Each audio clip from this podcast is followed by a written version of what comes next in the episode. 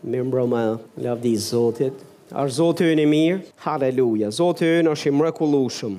Jam i sigurt që Zoti do të na bekojë sot nga ajo çfarë do mësojmë e do dëgjojmë.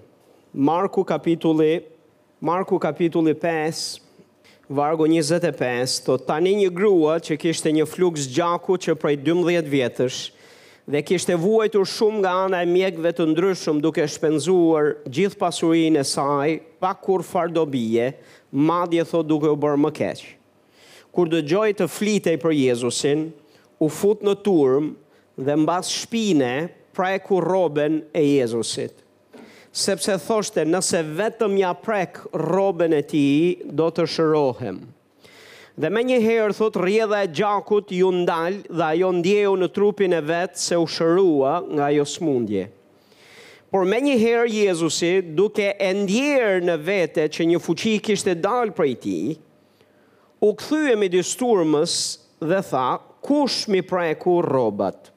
Dhe dishepujt e vet i thanë, A nuk e sheh që turma po shtyhet nga të gjitha anët dhe ti thua, Kush më preku? Por ai vështronte rreth e qark për të parë atë që e bën që e ka bërë këtë gjë thotë.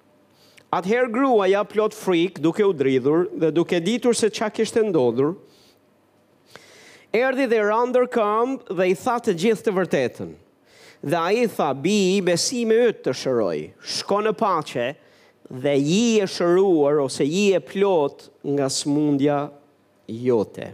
Dikush thotë amen. Mesazhi i sotëm është prekja e besimit, transmeton fuqinë e Perëndisë. Ky është mesazhi për sot. Prekja e besimit thashë transmeton fuqinë e mbinatyrshme të Perëndisë, fuqinë e Perëndisë. Ne të gjithë kemi nevojë për atë fuqi Dhe ajo fuqi është e gatshme, është në dispozicion, është vënë në dispozicionin tonë, qoftë për ta transmetuar, qoftë për të me, për të marrë prej transmetimit të saj. Për sa i përket Perëndisë, ai e ka vënë në dispozicionin tonë atë fuqi. Tani ka shumë rëndësi që ne kisha e Zotit të mësojmë edhe se si të marrim prej kësaj fuqie dhe si ta transmetojmë te të tjerët. Dhe prekja ka shumë rëndësi. Prekja, jo çdo lloj prekje, po prekja e besimit. Dikush thotë amen. Uh, Për këtë dua që të flas edhe t'i kushtoj vëmendje sot ta shohim në shkrime, Hebrejtë kapitulli gjashtë vargu një thotë prandaj duke lënë fjalën e fillimit të Krishtit, që do të thotë ato ABC-të e besimit, doktrinat e para, duke i lënë thotë ato gjëra që i kemi dëgjuar që në fillim. Dhe thotë le të synojmë për kryerjen, me pak fjalë të synojmë gjëra më shumë se sa këto fazat e fillimit, pa hedhur përsëri themel pendimi nga veprat e vdekura, kjo është një doktrinë, nga besimi te Perëndia, kjo është doktrina e dytë, nga doktrina për pagëzimet, për cilën edhe ne sot sapo ju fola dhe ne dje jemi marrë pikërisht me këtë gjë. është doktrinë, të vënies së duarve, le të themi bashkë të vënies duarve. Edhe kjo rreshtohet tek doktrinat e fillimit të ringjalljes së vdekur, të vdekurve dhe të gjyqit të përjetshëm. Tani të gjitha këto janë doktrina biblike që një besimtar i ri duhet t'i dëgjojë që në fillim. A jeni këtu? Që në fillim duhet t'i mësojë dhe t'i dëgjojë këto doktrina, doktrinën, doktrinën e, e, e pendimit nga veprat e vdekura.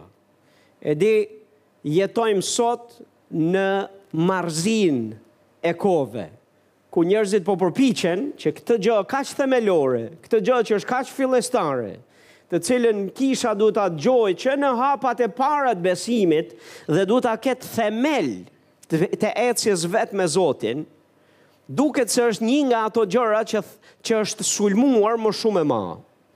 A, A e kuptoni pse? Sepse po u prish themeli, po u dëmtu themeli, nuk ka ku qëndron ndërtesa, nuk ka ku qëndron jeta jonë. Dhe sot, më shumë se sa kurrë, po flitet, po, po shtrëmbrohet ideja e pendesës. Ideja e pendesës sot ka ardhë në pikën sa njerëzit mendojnë se pendesë do të thotë vetëm ndryshim mendje. Nuk ke nevojë as të kërkosh falje, Nuk ke nevojë as të pendohesh dhe të rrëfesh mëkatet e tua, nuk ke, thjesht kupto që ti ke nevojë për të ndryshuar, ndrysho rrugë dhe mendim, edhe ky është procesi i pendesës. Procesi i pendesës përfshin kthimin e rrugës dhe ndryshimin e mendësisë dhe mentalitetit, por mëkatin që ke kryer, rrugën e gabuar që ke pas deri në këtë moment, nuk duhet të bësh sikur s'ka ndodhur. Sikur s'ka qenë aty.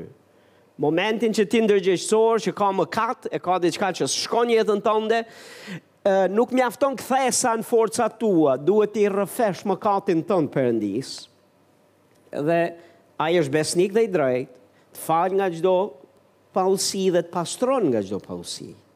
Dhe pastaj kthesa, sigurisht, është e domosdoshme në pendesë. Po pendesa, pastor, është kaq e thjeshtë, janë fjalët e fillimit.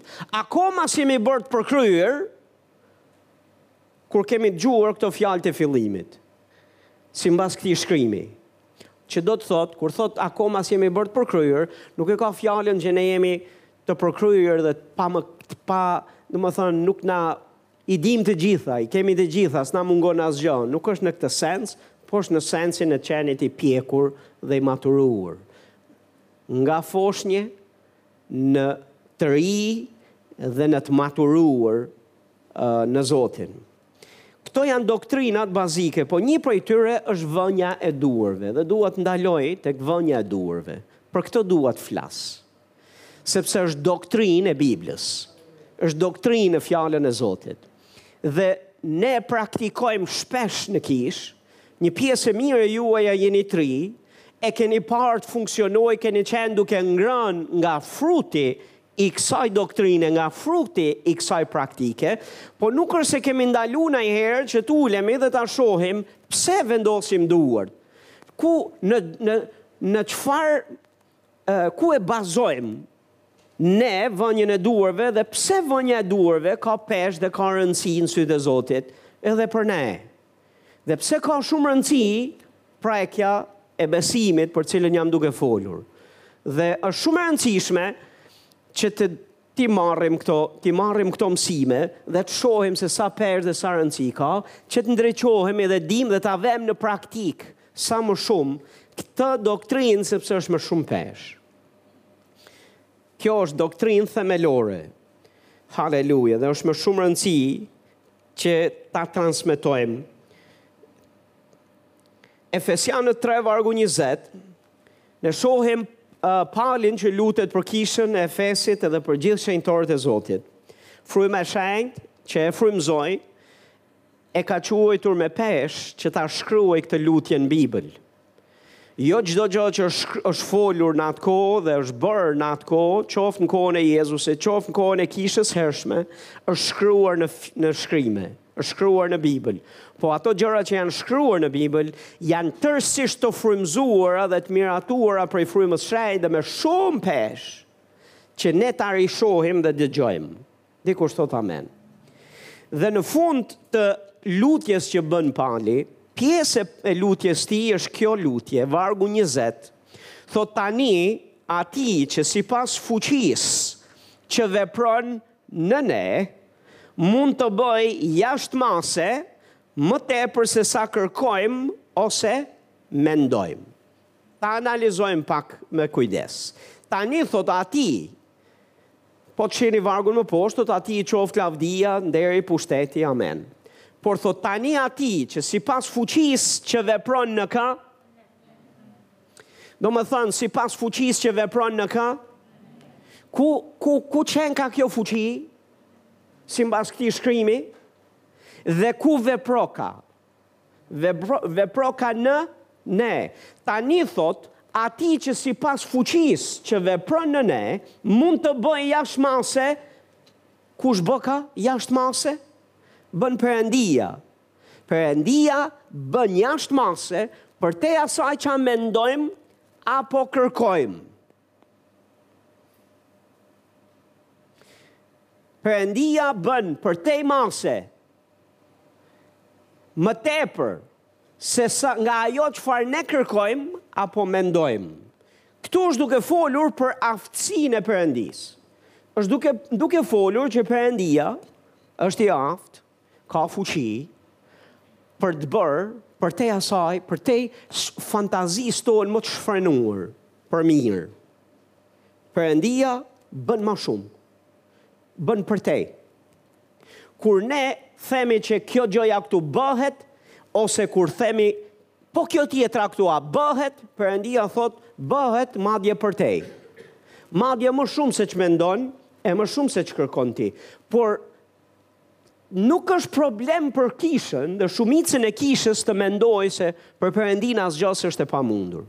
Dhe Perëndia është i fuqishëm dhe me fuqinë e vet ai mund të bëjë të pamundurën. Ai mund të bëjë atë që neve s'na shkon në mend. Atë që është përtej mendjes tonë, përtej kërkesave tona më të çmendura, Perëndia mund të bëjë jashtë mase. Kisha nuk e ka problem këtë këtë këtë këtu. Dhe shkrimi flet vazhdimisht se Perëndia e ka këtë aftësi dhe fuqi. Po ky shkrim këtu thotë ai merr fuqinë që është brenda nesh dhe e vë në veprim. Dhe me anë të kësaj fuqie që vepron në ne, me anë të kësaj fuqie që vepron në ne, ai bën jashtë mase. Tani është një gjë që Perëndia të përdorë atë fuqinë që është brenda tij. dhe të bëjë jashtë mase përtej asaj çfarë ne mendojmë e kërkojmë. Po është krejt një gjë tjetër ky shkrim është duke thënë ai merr sipas fuqisë që vepron në ne, me anë të asaj fuqie që vepron në ne, ai mund të bëjë jashtë mase përtej asaj çfarë ne mendojmë dhe kërkojmë.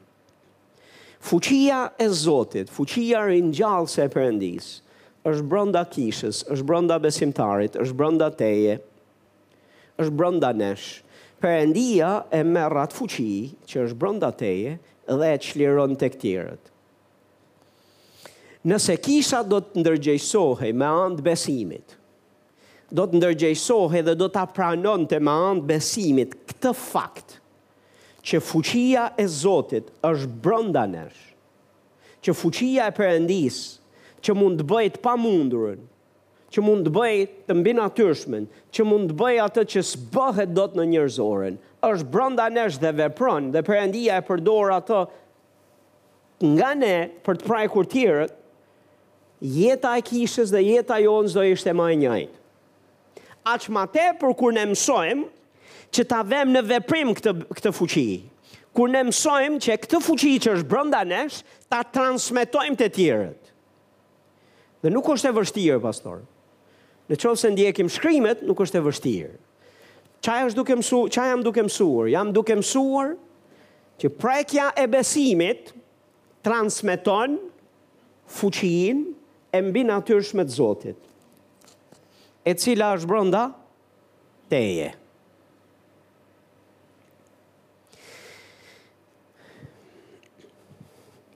Tek Marku që sapo lexuam, më leni t'ju them nja dy gjëra, të cilat dalin shumë në pah. Thotë sepse thoshte me vete nëse ia prek rroben e tij, do të shërohem. Domethënë, gruaja me fluks gjaku, ça thoshte me vete? Nëse ia prek rroben atij, Jezusit, unë do të shërohem. Hmm, Prekja e rrobës së Jezusit ishte përhapur fama gjithandej që kur i prekeshin rrobat Jezusit, njerëzit shëroheshin. Prandaj kjo grua pati besim dhe thoshte me vete, Nuk e shpiku, nuk u çmend, nuk i erdh një ditë bukur ideja që ça sikur t'i prek cepin e mantelit të rrobës së Jezusit. A thua shërohem apo jo? Po ishte përhapur fama më përpara dhe mund ta shohim dhe në shkrime se si njerëzit i preknin rrobat Jezusit dhe shëroheshin. Këtë e kishte dëgjuar kjo grua dhe ajo besonte që po t'ja prek dhe ajo cepin e rrobës Jezusit do të shërohej. Kishte besim. Ku e kuptojmë ne se kishte besim? Kishte besim pastor sepse thoshte me vete, besimi gjithmonë Dallohet me fjalë që flet nga goja dhe nga veprimet. Veprimet dhe fjalët, ajo thoshte me vete, nëse i prek mantelin Jezusit do shërohem, nuk thotë ndoshta do shërohem, thotë do të shërohem, është e sigurt, ishte e bindur plotësisht që po t'ja prek cepin e mantelit Jezusit do të shërohej. E dyta, veprimet. Veprimet e saj tregojnë se hyri në turmë, pastor. rrezikoi shumë për të hyrë në turmë dhe nuk ndenji në shpi që të vinte Jezusi për ta prekur në shpi.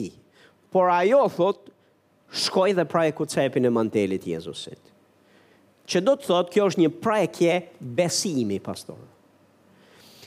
është prekje besimi dhe kjo është e vërtetueshme gjithashtu dhe kur reagoi Jezusi, sepse Jezusi u kthye dhe tha kush më preku, E mbani mend dhe gjithë i thanë, dishepujt i thanë, ça është kjo pyetje që thua Jezus, kush të preku? A nuk e sheh turmën që shtyhet dhe të prek?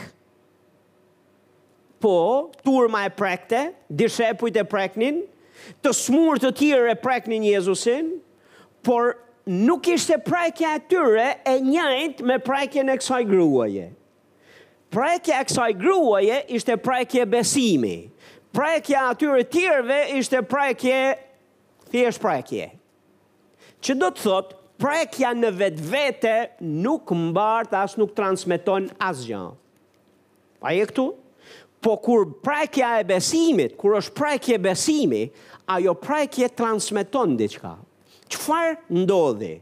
Shifni se çfarë thotë shkrimi. Kur ajo e preku, menjëherë rjedha e gjakut iu ndal dhe ajo e ndjeu. Le të themi bashkë dhe ajo e ndjeu. Nënvizojeni fjalën e ndjeu. Hmm, ka shumë rëndësi. Po, gjithashtu thotë, por menjëherë Jezusi duke e ndjerë në vetvete. Le të themi bashkë, Jezusi duke e ndjerë. Që do të thotë, Dhe, dhe po të shihni pak ma aty, më, më poshtë, thotë, ndjeu fuqi që doli prej tij.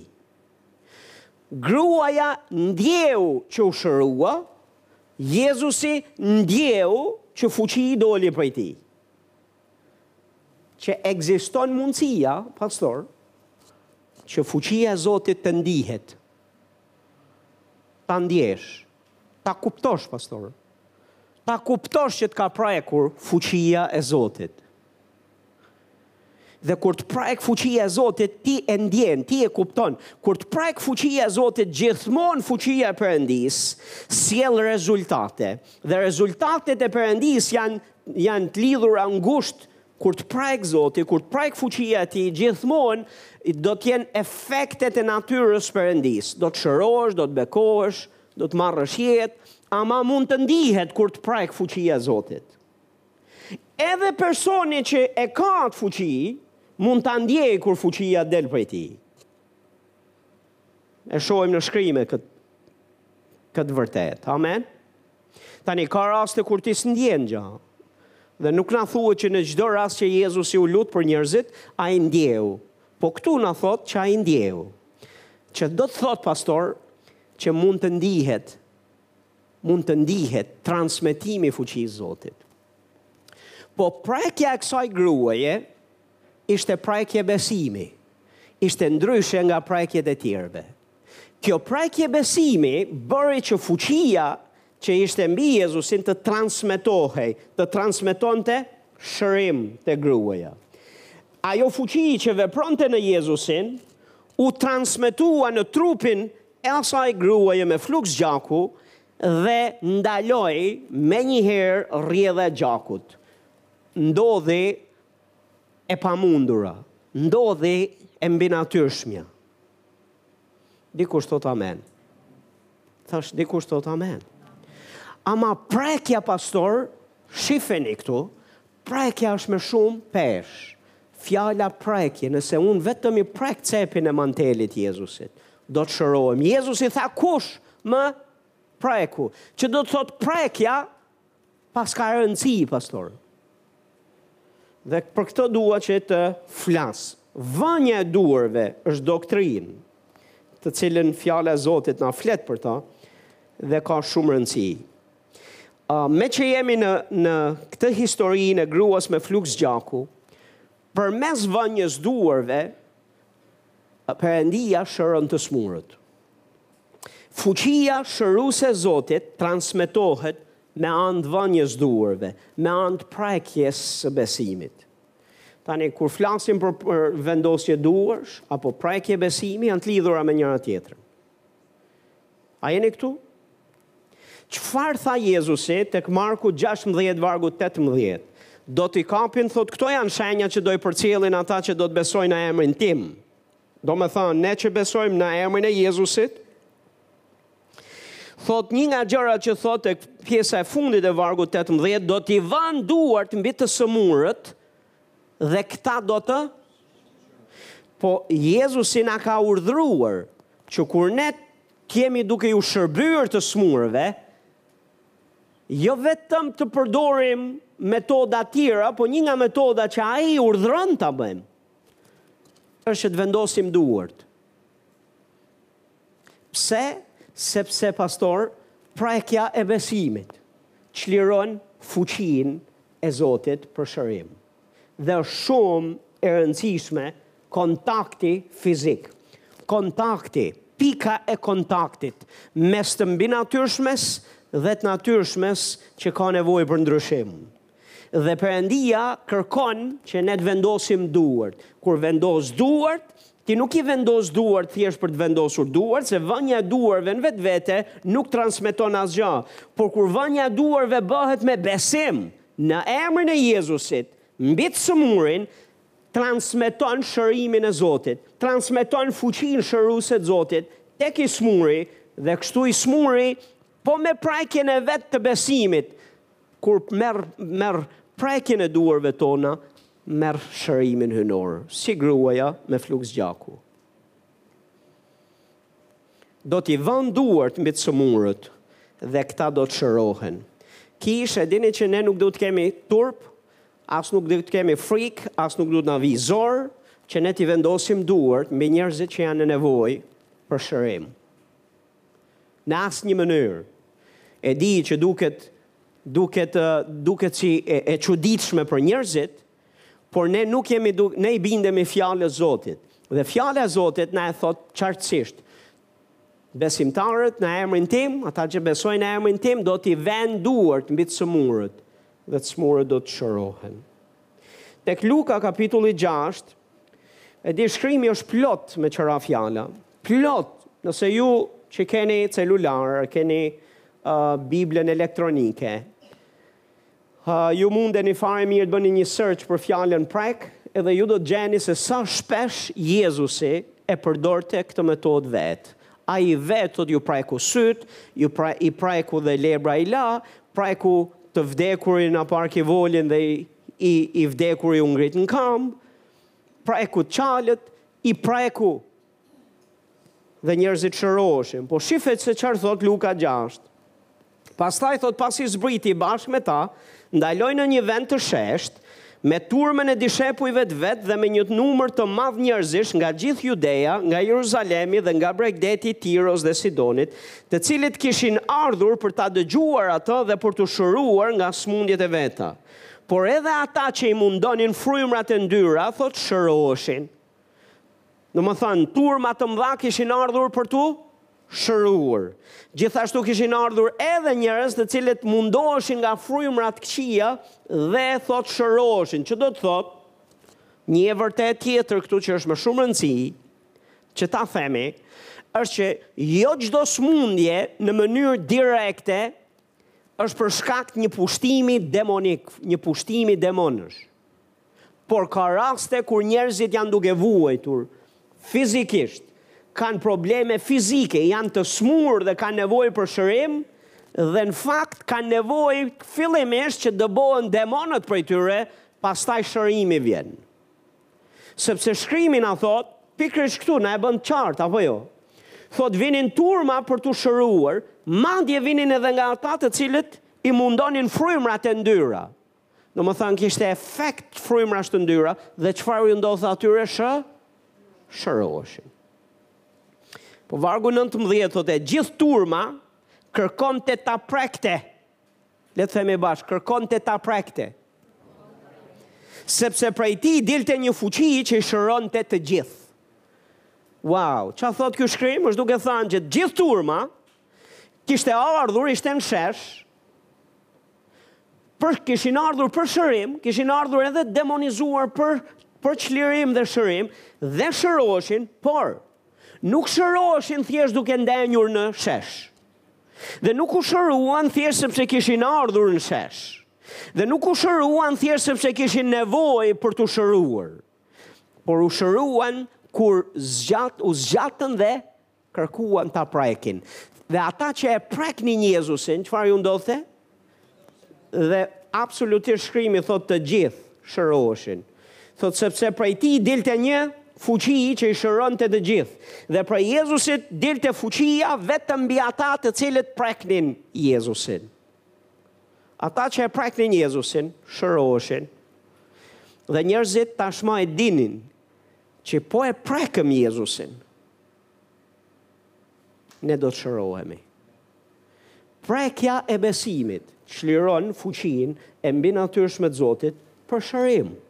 Dhe njerëzit në atë kohë e dinin këtë doktrinë, e dinin këtë të vërtetë. Prandaj vinin nga krahina, nga ana e anës dhe kur vinin, vinin me këtë mision, vinin për t'u shëruar, vinin po, vinin për t'u shëruar, por vinin Dhe e dinin që shërimi nuk ka për të ndodhë, derisa ta prekin Jezusin. Po e prekën Jezusin, fuqi del prej tij. Haleluja, është dikush duke u ndihmuar apo jo? Marku 6.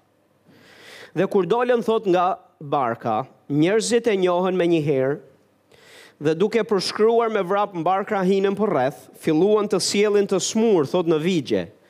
Kudo që dëgjonin se gjendej.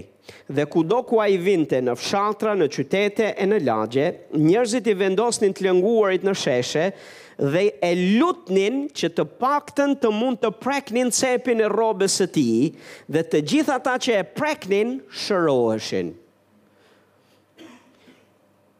Këtë mesazh, këto mrekulli kishte dëgjuar gruaja me fluks gjaku, që se nuk i nuk i erdhi në mendje vetvetiu që dhe nuk është ajo iniciatorja që tha ok, kam përshtypjen se rrobat e Jezusit po u prekën, do të çlirojnë fuqi për shëruar. Jo, është sepse ishte përhapur fama, kishte ndodhur. Dhe kush i prekte rrobat e Jezusit, thotë të gjithë ata që e preknin, shëroheshin.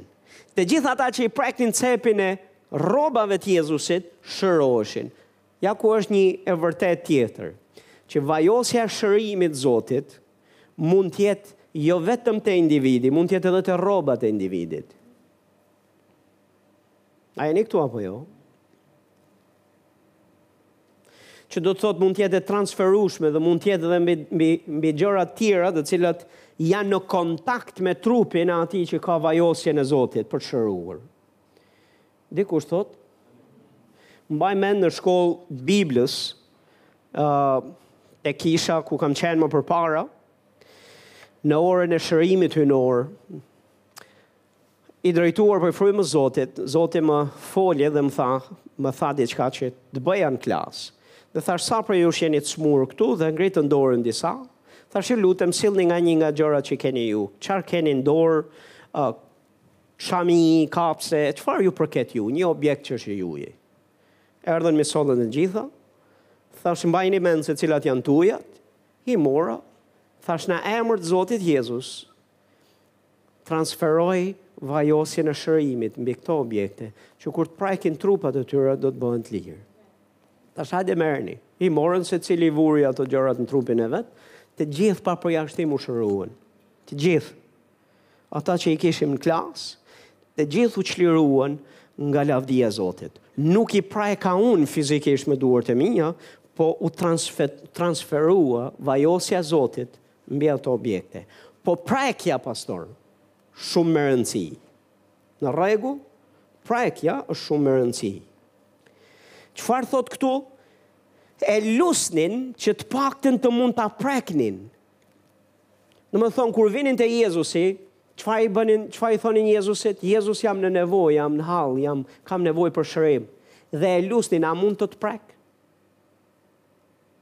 Sepse besonin që po ta preknin, fuqi i dilte nga Jezusi dhe nuk ishte vetëm besim bazuar besim i pabazuar në në uh, ishte ishte besim tashmë i bazuar në famën që ishte përhapur.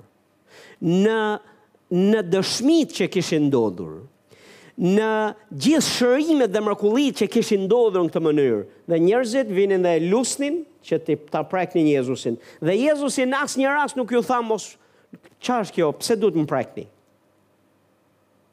Përkundrazi i la t'i prekin mantelin, i la ta prekin, dhe kushdo që e prekte me besim, shërohej, të gjithë që e preknin, shëroheshin. Prekja e besimit, pastor. Sepse na e thot dhe të gjithë ata që e preknin, shëroheshin. Marku 8. Pastaj thot arriti në Betesda dhe i prunë një të verbër edhe ju lutën ta prekte. Domethënë, kur erdhi në Betesda, sollën një të verbër dhe ça i kërkuan Jezusit? A i kërkuan Jezusit që për ta përkëdhel, apo i thanë preke? Për çfarë lloj prekje e kishin fjalën ata dhe çfarë donin të arrinin me anë të kësaj prekje?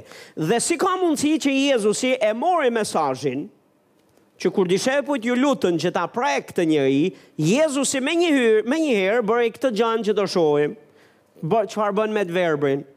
Atëherë e mori për dore të verbrin, e nxori jashtë fshatit dhe mbasi pështyu në, në sy dhe vuri duart mbi të. Ku i vuri duart? E pyeti nëse shihte gjë, dhe ai duke i hapur sytë tha, "Po, shoh njerëz si pemë që ecin." Atëherë Jezusi i vuri përsëri duart mbi të, mbi sytë dhe e bëri të shikojë lart, dhe atij u kthye të parit dhe shikonte qartë gjithçka. Domethënë, Jezusit i erdhën dhe i thanë, Jezus, ky i verbër, preke. Jezusi e kuptoi se për çfarë janë, ça janë duke kërku me këtë prekje. Sepse ishte kaq, ishte, ishte kaq normale që kur kërkohej një prekje, në fakt Jezusi e kuptoi që ata janë duke kërku shërim.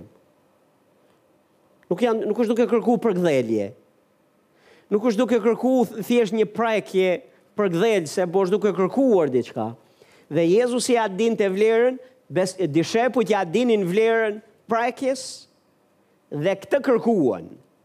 Dhe Jezusi menjëherë, duke e ditë se çfarë nevoje ka i sëmuri, ky i verbër, hyri në aktivitet, dy herë vuri duart, thotë, mbi të, derisa iu kthye shikimi i plotë. I vuri herën e parë, Dhe ai pa deri diku. Pastaj herën e dytë. Ç'do të thotë pastor? Një e vërtetë tjetër është që nganjëherë disa ke nevojë më shumë se sa një herë të vihen duart mbi ty për të marrë një mrekulli të plotë. A je këtu apo jo? Dhe nuk është çështje nuk është mungesë besimi. Në qoftë se ti e ke të bes, besimin tënd aktiv, e meqë ra fjala Jezusit nuk i mungonte besimi. herën e parë dhe tha ta provoj herën e dytë, por vendosi duart mbi të. Ka pasur raste kur Zoti më ka thënë, shprehimisht duke u lutë për njerëz, kam qenë duke u lutë dhe kam qenë në nxitim. E kam vënë duart mbi dikë dhe kam qenë në nxitim për të kaluar te tjetri dhe Zoti më ka ndalu që unë të rri të thjesht të mbaja duart e mia mbi individin që ishte në nevojë. Gjatë mjaftushëm që fuqia dhe lavdia e Zotit të transmetohej, derisa tjetrit merrte plotësisht dozën e lavdisë, dozën e vajosjes Zotit për plotësimin e mrekullisë plotë. Dhe është shumë e rëndësishme pastor të jemi të ndjeshëm ndaj frymës Zotit mos kalojmë nxitimsi, nxit, nxitimthi. Ka raste kur duhet me ndalu. Dhe në këtë rast Jezusi e vuri në provë të verbrin, i verbri tha, shoh, po nuk shoh plotësisht. Jezusi e bëri që të shohë lart, vuri duart prapë mbi to. Dhe nuk është mungesë besimi nga ana e Jezusit kur vuri dy herë duart mbi to. A jeni këtu apo jo? Po të kish qenë ai dishepull tjetër, Po të kish qenë ai dishepulli i Jezusit, tashti do ishte, do të gjithë do thonim, s'kishte besim herën e parë. Po ky nuk është dishepulli i Jezusit, ky është Jezusi vetë. Dhe Jezusit nuk i mungoi besimi. Dikush thotë, ama thotë erdhën dhe i thanë, iu lutën që ta prekte. Le të themi bashkë, prekja e besimit çliron fuqinë e Zotit. Për shërim. Ka disa mrekulli që nuk vijnë pastor përveç se në këtë mënyrë. A je këtu? Tek Marku, le të shohim një histori këtu. Tek Marku, ne e dimë, jemi familjarë të kësaj historie. Uh, Jezusi shkoi në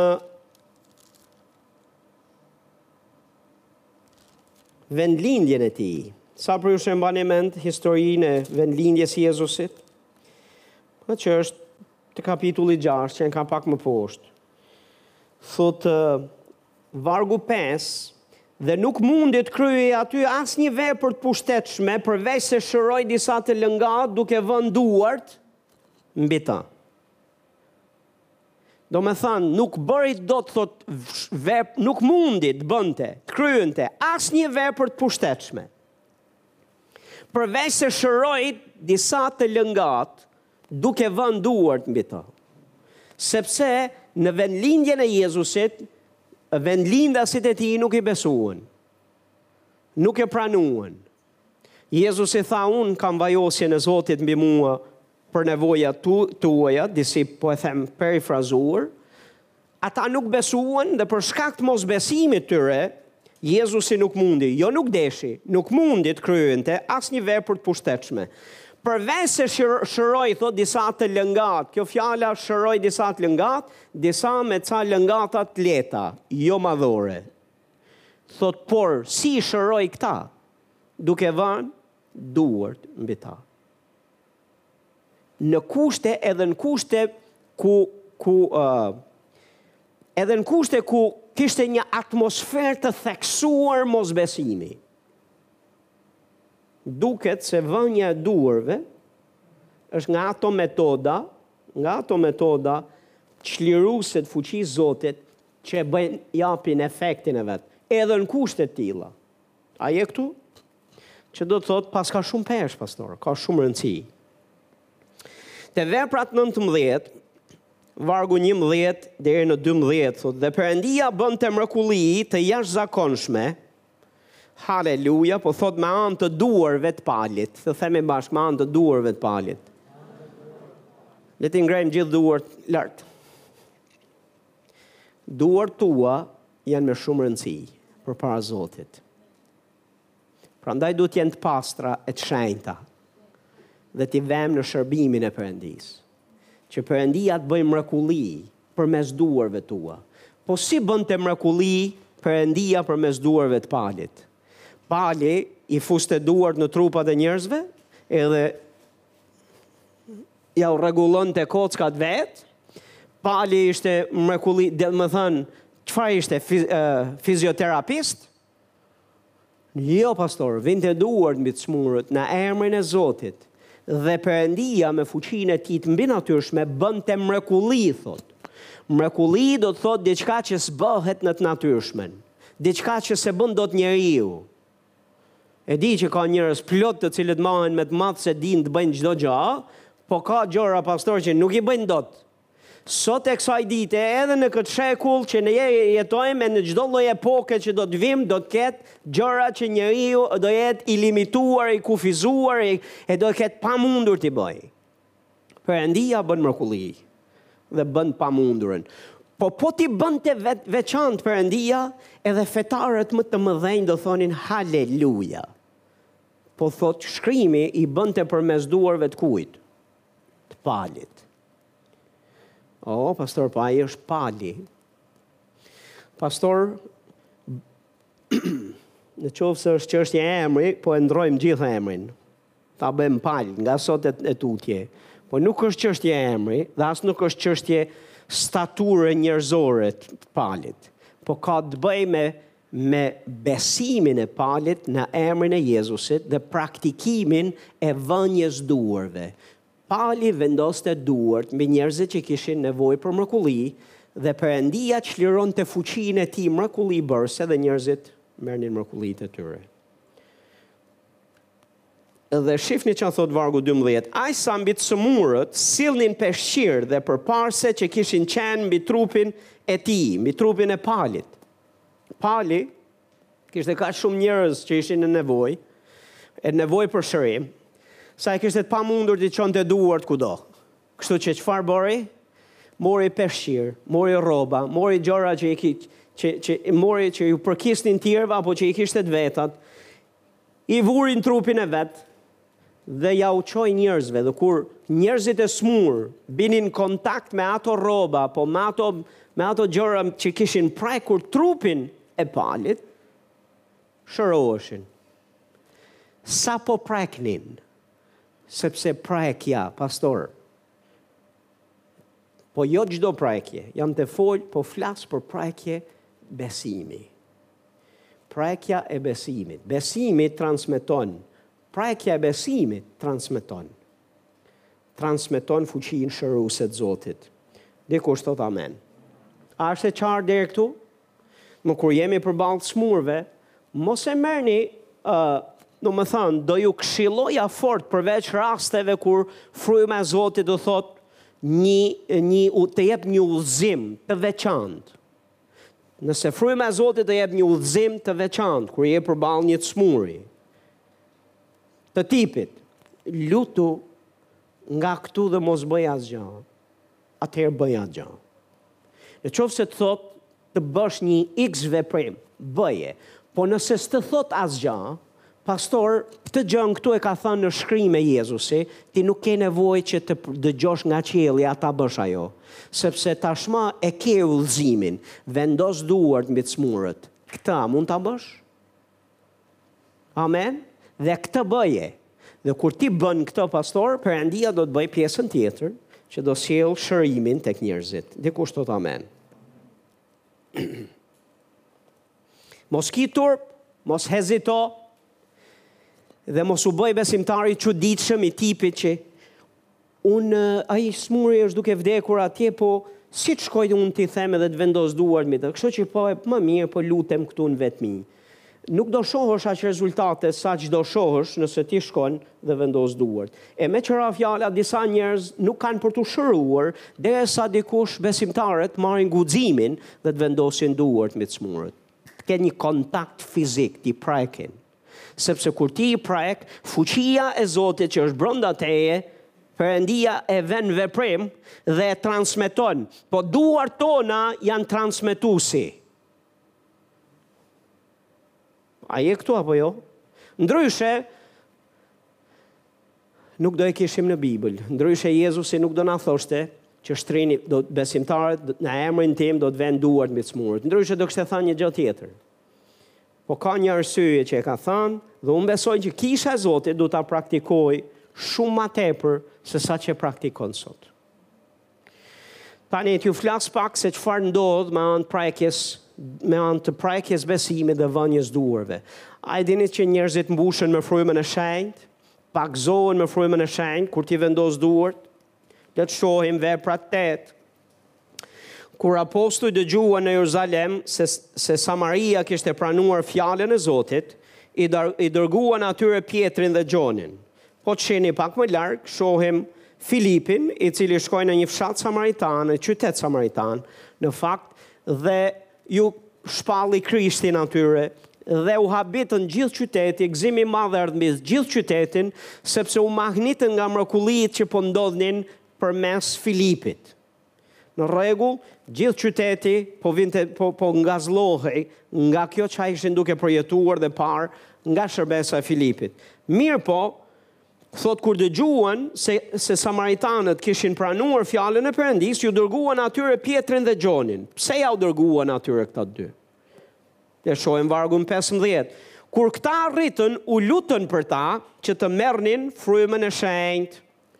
sepse ende nuk kishte zbritur mbi asnjë prej tyre, por ata vetëm ishin pagëzuar në emër të Zotit Jezus. Filipi kishte këtë, uh, këtë dritë, dhe deri këtu ishte hiri dhe vajosja e tij, që të bënte mrekulli shërimesh, mrekulli të mbinatyrshme që ndodhën, uh, t'ju shpallte atyre Jezusin për shpëtim, Dhe kjo ishte mrekulli mjaftueshëm, por nuk ishte gjithçka që kishin nevojë ata. Akoma s'kishin marrë frymën e shenjtë. Që të merrnin frymën e shenjtë, kjo ishte vajosje edhe hir që ishte mbi Pjetrin edhe mbi ë uh, mbi Gjonin. Dhe ata zbritën atje dhe u lutën thotë që të merrnin frymën e shenjtë. Po vargu 17 thotë, atëherë vunë duart mbi ta, Dhe ata morën frymën e shenjtë. Domethënë, çfarë bënë ata? U lutën që samaritanët të merrnin frymën e shenjtë, por fryma e shenjtë nuk erdhi mbi ta akoma. Deri kur? Deri kur ata vunë duart mbi ta? Po kur vunë duart, frymën e shenjtë ata e morën. Që do të thotë u transmetua fryma e Zotit nga Gjoni dhe Pjetri tek ata të cilët mbi të cilët vunë duart dhe ata që morën vënien e duarve këtë prekje besimi, këtë kontakt besimi, u pagëzuan me frymën e shenjtë. Haleluja! A është Zoti i mirë? Në rregull. Le të shohim pak një ë uh, Le të lexojmë pak këtu se ka ca gjëra me shumë rëndësi.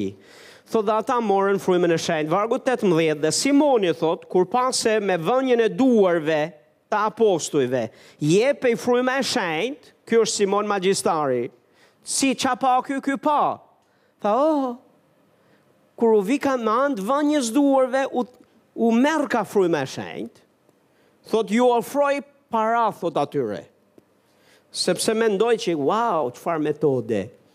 Ma mësoni edhe mua këtë metoden. Që të bëj biznes me to. Dhe duke thënë, ma jepni edhe mua këtë pushtet, domethënë, ma jepni këtë autoritet, ma jepni këtë fuqi, ma jepni këtë pushtet mua, që ai të cilit do t'i vë duart, ta marrë frymën e shenjtë. Domethënë, Simon Magjistari ishte i vëmendshëm dhe e kishte mendjen dhe tha, ok, si e morën këta frymën e shenjtë?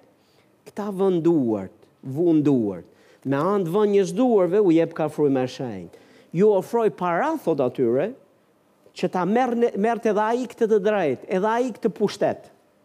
Edhe ai të merrte këtë fuqi, që kur ai të vinte duart e veta, të tjerët merrnin frymën e shenjtë. Por Pjetri i tha le të humbasë paraja jote, ti bashkë me të, sepse mendove se mund të blesh me para dhuratën e Perëndisë, ti nuk ke as pjesë, as short në këtë gjë, Sepse zemra jote nuk është e drejtë përpara Perëndisë. Pendohu pra për këtë ligësi që ke dhe lutju Perëndisë që po të jetë e mundur të të falet mendimi i zemrës tënde. Sepse unë shoh se je në vrerin e hidhësisë dhe në prangat e paudhësisë. O sa më pëlqejnë këto fjalë të fuqishme të njeriut të Zotit, që pati një zemrim të shenjtë. A dini pse u zemërua kaq shenjtë? Sepse pa që Simon Magjistari kishte motive të papastra përbrenda vetes, për të marrë një metodë kaq të shenjtë dhe për, për, dhe për të vënë për, për të vënë në, në duart e veta të pista në një dhuratë kaq të çmuar siç është fryma e shenjtë dhe donte të merr të hynte në këtë lloj biznesi i cili nuk duron papastërti dhe motive të gabuara. Tani pastor, unë jam duke mësu për mot, më, e, jam duke fol për doktrinën e vënies duarve. Po ne që vem duart, ne nuk jemi magjistarë. Por motivet tona kanë shumë rëndësi të jenë të pastra. Nuk ka rëndësi jemi a s'jemi a kush jemi. Momentin që vem duart mbi të smurët ka shumë rëndësi. Momentin që vem duart mbi njerëzit për të transmetuar dhuratat e Perëndisë, ne duhet të jemi të kujdesshëm që motivet tona të jenë të shenjta, të jenë të pastra, jo për tërheq vëmendje te ne, jo për të thënë shiko kush jam unë, dhe nuk është për të ngritë e lartësu emrin tonë, emrin e njeriut, po për të lartësu emrin e Zotit, dhe për të transmetu atë çfarë është nga Perëndia, dhe gjithë lavdia e nderi e pushteti i takon Atij, që sipas fuqisë që vepron në ne, po Ai vepron në ne e përmes nesh, por lavdia i takon dhe i duhet t'i shkojë Atij dhe vetëm Atij. Kështu që ne jemi duke mësu për këtë doktrinë. Dhe jemi duke mësu për këtë metodë. Dhe ju do ta shihni që do të jetë duke u transmetu lavdia e Zotit përmes jush. Po asnjëherë mos harroni të ruani zemrën të pastër, motivet e pastra dhe lavdinë t'ja japim Zotit. Ne jemi vetëm ena transmetuese. Dhe kush thotë? Amen. Dhe kur të ndodhin mrekulli, pastor, nuk ke pse e fut me zor veten tënde dhe emrin tënd dhe lutja jote dhe çfarë bëre ti, se ti po luteshe, se ti po bëje. Disa njerëz kanë dëshirë që të fut, jam edhe unë këtu. Ndodhi për shkakun tim. U lutën ata po u luta unë. Ose u luta unë, paçka se ti e di se janë lutë dhe ca tjerë. Po disi në zemrën tënde lutja jote kishte peshë, lutja atyre tjerëve nuk e dimë. Këto janë nevoja për dukje, janë nevoja të besimtarëve të papjekur për të marrë një lavdi që nuk u takon. Pastor ruje veten të pastër, ruje zemrën tënde, nëse do që Zoti të të përdorë për lavdinë e vet në nivele të reja, gjë që ai është do ta bëjë me kishën tonë, dil nga skena dhe siguro që i jep Zotit lavdi. Nuk po themi që të thuash të bëhesh, jo nuk e bëra unë dhe të bësh një të bësh një, të kalosh nga krahu ekstremi tjetrit. Nga nga ekstremi tjetër. Jo pastor, Zoti të përdori ty. Dhe nuk e kishte problem fryma e shenjtë që thoshte nga duart e Palit Perëndia bënte mrekulli. Amen. Edhe nga duart tua do të ndodhin mrekulli dhe ti ke një emër dhe ti je dikush dhe ti do të japësh dëshminë. Dhe kur të japësh dëshminë, të lutem mos dil ti përpara, thuash, ë, uh, ishte një herë një individ që unë e njoh Që u lut për Jo nuk ke nevojë, nëse je lut ti, je lut ti. Po a e kuptoni, ti e din zemrën tënde. Ti e di këtu. Se do të ta tregojë zemra jote, ndërgjegja jote, fryma jote brenda teje do të ta tregojë kur po përpiqesh të marrësh lavdi dhe vëmendje që s'të takon. Dhe momentin që e ndjen këtë tundim, pastor, tërhiqi këmbët mbrapsht. Tërhiqu mbrapa. në mënyrë që të kesh pjesë herë tjetër në këto në të mbinatyrshmen e Zotit. A je këtu në qoftë se ti do të kesh pjesë në të mbinatyrshmen e Zotit, ruje zemrën me shumë kujdes. Motivet tona duhet të jenë të tilla, gjithë lavdia, gjithë pushteti, emrit Jezus.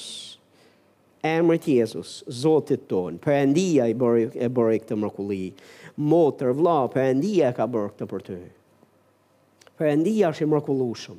Unë e lavdroj Zotin që më përdor mua, po lavdia i takon atij.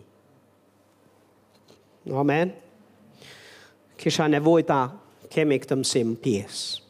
Veprat 9, vargu 17, thotë atëherë Anania shkoi dhe hyri në atë shtëpi dhe duke i vënë duart, Mbi Palin për cilin folëm, tha, Vëlla Saul, Zoti Jezus që t'është shfaqur në rrugën nëpër të cilën ti po vije, më ka dërguar që të kesh përsëri dritën e syve dhe të mbushesh me Frymën e Shenjtë. Çfarë bëri mbi ta? I vuri duart Anania, dishepulli i Jezusit, vuri duart mbi Palin që ishte Saul në këtë kohë, në, në, në fillimin e konvertimit tij, për dy gjëra. që t'i kthehej përsëri drita e syve, që të shërohej dhe që të mbushej me Frymën e Shenjtë. Jemi duke folë për prekjen e besimit që transmeton. Transmetoka Frymën e Shenjtë dhe transmetoka shërimin e Zotit. A është e qartë? Dikush thotë amen. Tani do shohim për se si me anë prekjes besimit transferohen dhunti, vajosje dhe autoritet frymëror. Dhunti, vajosje dhe autoritet frymëror. E dyta e Timoteut, kapitulli 1, vargu 6, Thotë për këtë arsye po të kujtoj, që ta zgjosh dhuntinë e Perëndisë që është në ty, me anë të vënies së duarve të mia. Thotë për këtë arsye po të kujtoj, që ta zgjosh dhuntinë e Perëndisë. Dhuntia e kujt është? Ta zgjosh atë dhunti. Ta zgjosh atë dhunti të Perëndisë, thotë që është në ty me anë të vënies së duarve të mia. Që është duke folur, është duke thënë, Pali është duke i folur Timoteut, birit të tij frymor, dhe është duke i kujtuar që një herë e një kohë Pali ka vënë duart mbi të që ai të marrë një dhuratë prej Perëndisë. Dhe i thotë sot, mbas kaq kohësh, zgjoje. Po shihni vargun më poshtë, thotë Zoti s'na ka dhënë një frymë frike, por force, dashuri dhe një mendje të shëndoshë. Dhe thotë mos ki turp për ungjillin dhe mos ki turp as për prangat e mia. Dhe po të shihni në kontekstin e kohës, Kur është shkruar kjo fjala këtu, ju do të gjeni që uh, do të kuptoni që Timoteu në atë kohë kishte frikë, kishte turp dhe kishte ndrydhur dhuntinë e ungjilltarit, kishte filluar të tërhiqet mbrapsht dhe të heshte dhe ndihej i intimiduar brenda kishe dhe jashtë kishe për shkak të përndjekjeve dhe persekutimeve që kishin ardhur mbi kishën në atë kohë. Kundër predikimit të Ungjillit, kundër Kishës së Zotit, dhe në mënyrë të veçantë gjithashtu për ata njerëz të cilët e identifikonin veten e tyre si uh, ndjekës të Palit. Timoteu nuk ishte vetëm ndjekës, ishte biri i tij frymëror. Dhe Pali i thotë zgjoje atë dhunti.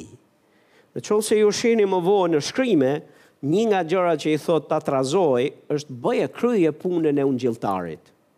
Bëje punën e e ungjilltarit. Tani, që të thirresh ungjilltar, që të kesh thirrje pastori, që të kesh thirrje apostulli, profeti dhe mësuesi, kjo është thirrje që është nga Perëndia, nuk ta jep njeriu me vënje duarsh. A jeni këtu? Këtë dhunti, këtë thirrje nuk ta jep njeriu me vënje me vënje duarsh. Dikush thotë, Të thërret Perëndia. Po njeriu mund ta konfirmojë dhe vajosja edhe hiri që është mbi një profet mund të kalojë tek një i thirrur profet për ta kryer atë shërbesë. Një i thirrur apostull me vajosje apostulli që ka nivele vaji të akumuluara në jetën e vet dhe ka atë larminë e vajosjes unike të veten në shërbesën e vet, mund ta transmetojë tek një i thirrur i ri, apostull i ardhshëm që të kalojë këtë vajosje. Tani kjo është pak e thellë, ju duhet pak not, po do mësojmë rrugës. Po gjithsesi, thirrjen nuk mund ta transmetojë askush me vënje duarve. Unë nuk mund të vij tek ti dhe të them po të thërras apostull, po të thërras mësues, po të thërras ungjilltar, po të thërras pastor, se nuk është e drejtë e asnjë njeriu ta bëjë këtë. Kjo është e drejtë e Zotit Jezus Krisht. Ai, thotë, u dha dhurata bijve të njerëzve, tek Efesianët. Asnjeri nuk e, nuk e ka të drejtën për të thirrur dikë kështu. Por ne kemi të drejtën për të dëgju frymën e Zotit dhe për të konfirmuar këtë thirrje mbi jetën e dikujt. Ka një ndryshim, a e kuptoni? Ne mund ta konfirmojmë. Dhe unë mund të vij si pastor dhe të them, Zoti të ka thirrur ty të jesh apostull. Zoti të ka thirrur ty që të jesh dhe e dalloj si pastor, është dhuntia e Zotit në mua si pastor për të dalluar dhuratat që kam në kishë. Kjo është një hir që Zoti ia ka dhënë shërbyesit të vet, në mënyrë që të të konfirmojë dhe të të mirorientojë ty. Por është ma tepër në sens konfirmues se sa në sensin që unë zgjedh pa pyet Perëndinë dhe as ti s'ke pse pyet askënd më, momentin që të kam thënë unë ti je apostull, atëherë ti për mbetjen e jetës tënde thua unë jam apostull se pastori më thirri. Jo të lutem, shko prap tek Zoti dhe ti pyte Zotin, thuj Zot, unë e dëgjova këtë. Pastori im më tha, po a m'ke thirrur kështu? Dhe sigurohu që e ke këtë thirrje prej Perëndisë. Dikush thotë, amen, sepse këtë të drejtë nuk e ka kërkush. Këtë të drejtë e ka veç Zoti edhe ti. Gjithkush tjetër mund të ta konfirmojë. dhe mund do të të konfirmojë në zemrën tënde. Kur të marrësh, kur ti e di se ça t'ka thirr Zoti, Perëndia do të sigurohet që do të të derdhë prej vajit dhe hirit tij dhe do të dërgojë njerëz që kanë vajosje që t'duhet ty. Që Perëndia do që të ta kesh ti, që të transmetohet tek të tjerët në kohë nevoje në shërbesë. Kur unë i kthej sytë mbrapa, ë dhe herë mbas herë shikoj larmi, larmi dhuntish dhe vaj, vaji dhe vajosjesh, të cilat i, i kam parë të rrjedhin në shërbesën tonë, si pastor. Po a e dini që me i kthy sytë, Unë mund të ndaloj dhe të them filani, këtë e kam nga filan pastor, këtë e kam nga filan shërbys, këtë e kam nga filan shërbys, këtë e kam nga filan shërbys, këtë e kam nga filan shërbys. Është unike veç midis meje dhe tij, po ka plot të cilat larmi vajosjesh që kanë ardhur nga shërbëtorë të Zotit që kanë vënë duart mbi ne. A je këtu? Dhe janë aty. I ka depozitu Zoti në mënyrë që të shijoni ju dhe të shijojnë të tjerët. Tani kjo është metoda dhe mënyra se si Perëndia i transmeton dhuntitë e veta. E, e, e transmeton hirin dhe vajosjen e vet. Shini pak tek Numrat 27, merrni si referencë dhe do të, a po mësoj apo më duket se po mësoj. Ej, haleluja! Pastori mund të mësojë.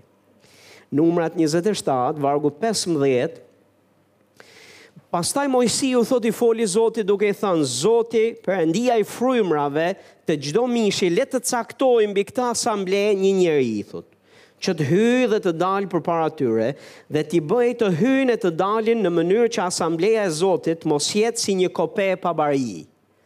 Me pak fjalë, po e themi në një farë mënyre, Moisiu është duke thënë, o Zot, na duhet një pastor. na duhet një bari për këtë kope, se ti po merr është në fundin e shërbesës së vet dhe e di që po i vjen koha ku Zoti ka thënë le të ngjitemi në majë të malit dhe e di që do ngjitet atje lart edhe nuk do vijë më poshtë dhe është e di që koha e tij po i mbaron dhe tani është duke bërë këtë lutje para Zotit. Si lihet kjo tufë e Zotit, populli i Zotit pa një bari, dhe është duke iu lut Perëndisë që të caktojë një. Nuk merr përsipër vetë, i, me iniciativën e vet. As ky njeriu të cilin, i cili zgjidhet, nuk e merr vetë iniciativën, dhe as Moisiu nuk e merr iniciativën vetë, por iniciativa e Moisiut ishte Zot, ti caktoje dhe Zoti e caktoi. Pastaj ne shohim procedurat që ndodhin.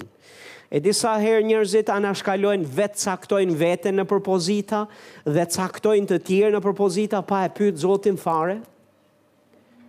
Po kjo është komplet një gjë tjetër që do mësim noti prap. Haleluja. E pyeti Zotin, thotë, dhe atëherë Zoti i tha Moisiut, merre Jozueun, që do të thotë ai e zgjodhi, tha, Jozueun e kam caktu.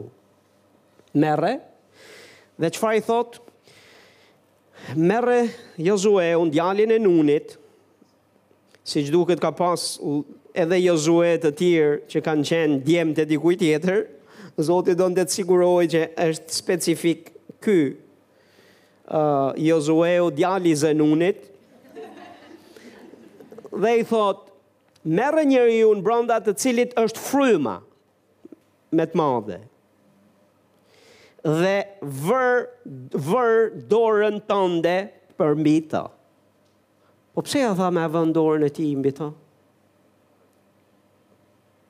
Do ta shohim. Atëherë Zoti thotë ia tha këtë, pastaj do ta paraqisësh para priftit Eleazar dhe para tërë asamblesë dhe do t'i japësh disa urdhra në prani të tyre. Kujt do t'ia jepte këto urdhra Jozueut në prani të të gjithëve? Dhe do ta bësh pjesëmarrës të autoritetit tënd. Ky është delegim pushteti, delegim fuqie, delegim autoriteti. Në rregull do ta bësh pjesë të këtij autoriteti që ke ti, do ia kalosh atij. Me vënien e kujt? Me vënien e duarve. Transme, transmetohet pushteti, transmetohet fuqia, transmetohet. Ky hir.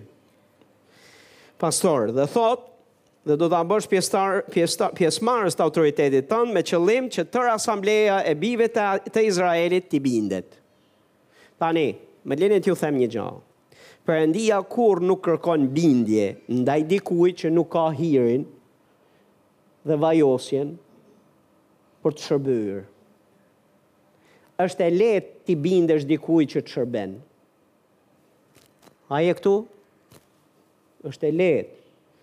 Tani, për ca që janë kokë fort, nuk është e lehtë në asnjë rast.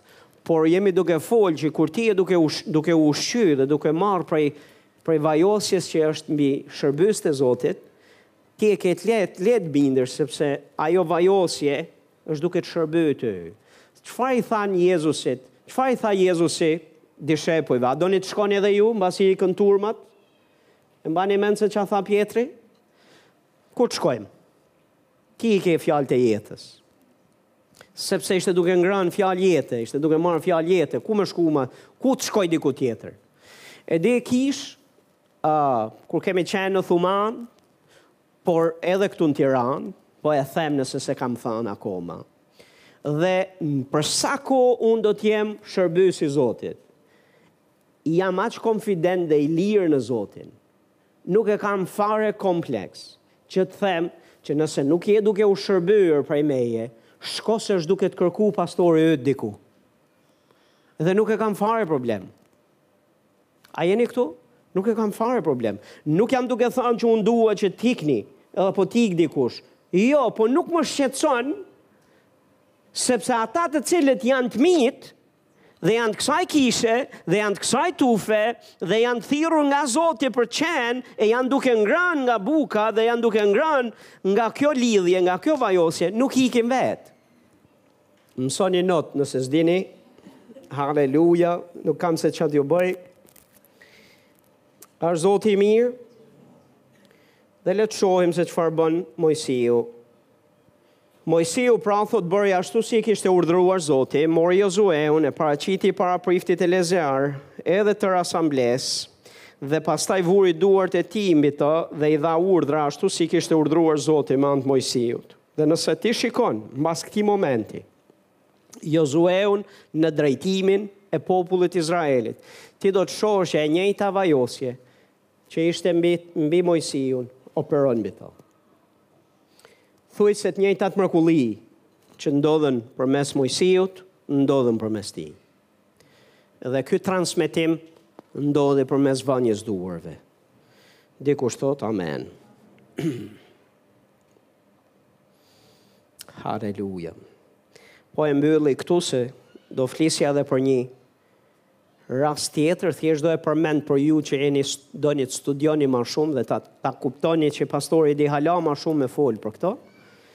Në rregull, po uh, nuk dua që të marr më shumë kohë. Jezusi tek Gjoni, kapitulli 20, vargu 17, thotë Iu shfaq Marisë dhe i tha, Mos më prek, sepse ende nuk u ngjita te Ati im. Shko te vëllezërit e mi dhe u thuaj atyre se unë po ngjitem tek Ati im dhe Ati juaj, te Perëndia im dhe Perëndia juaj.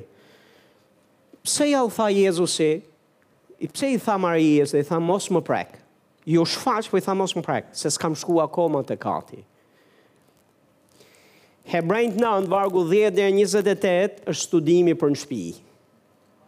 Kështu që studiojeni në shpi, ju do të gjeni që Jezusi është kryeprifti ynë, Jezusi do të hynte në një shenjtore jo të bërë me dorë, dhe do të hynte jo për veten e vet, do të hynte për ne, nuk do hynte vetëm çdo vit, po do hynte një herë e mirë, nuk do hynte me gjakun e cjepve dhe deshve, të kafshëve, po do të hynte me gjakun e çmuar të vetin.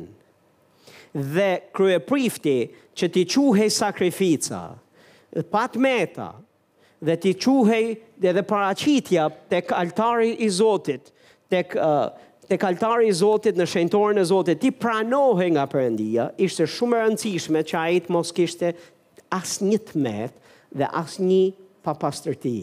Dhe kur Jezusi u ringjall, ai vdiq në kryq, u ringjall, në këtë moment akoma s'kishte shkuar tek Ati.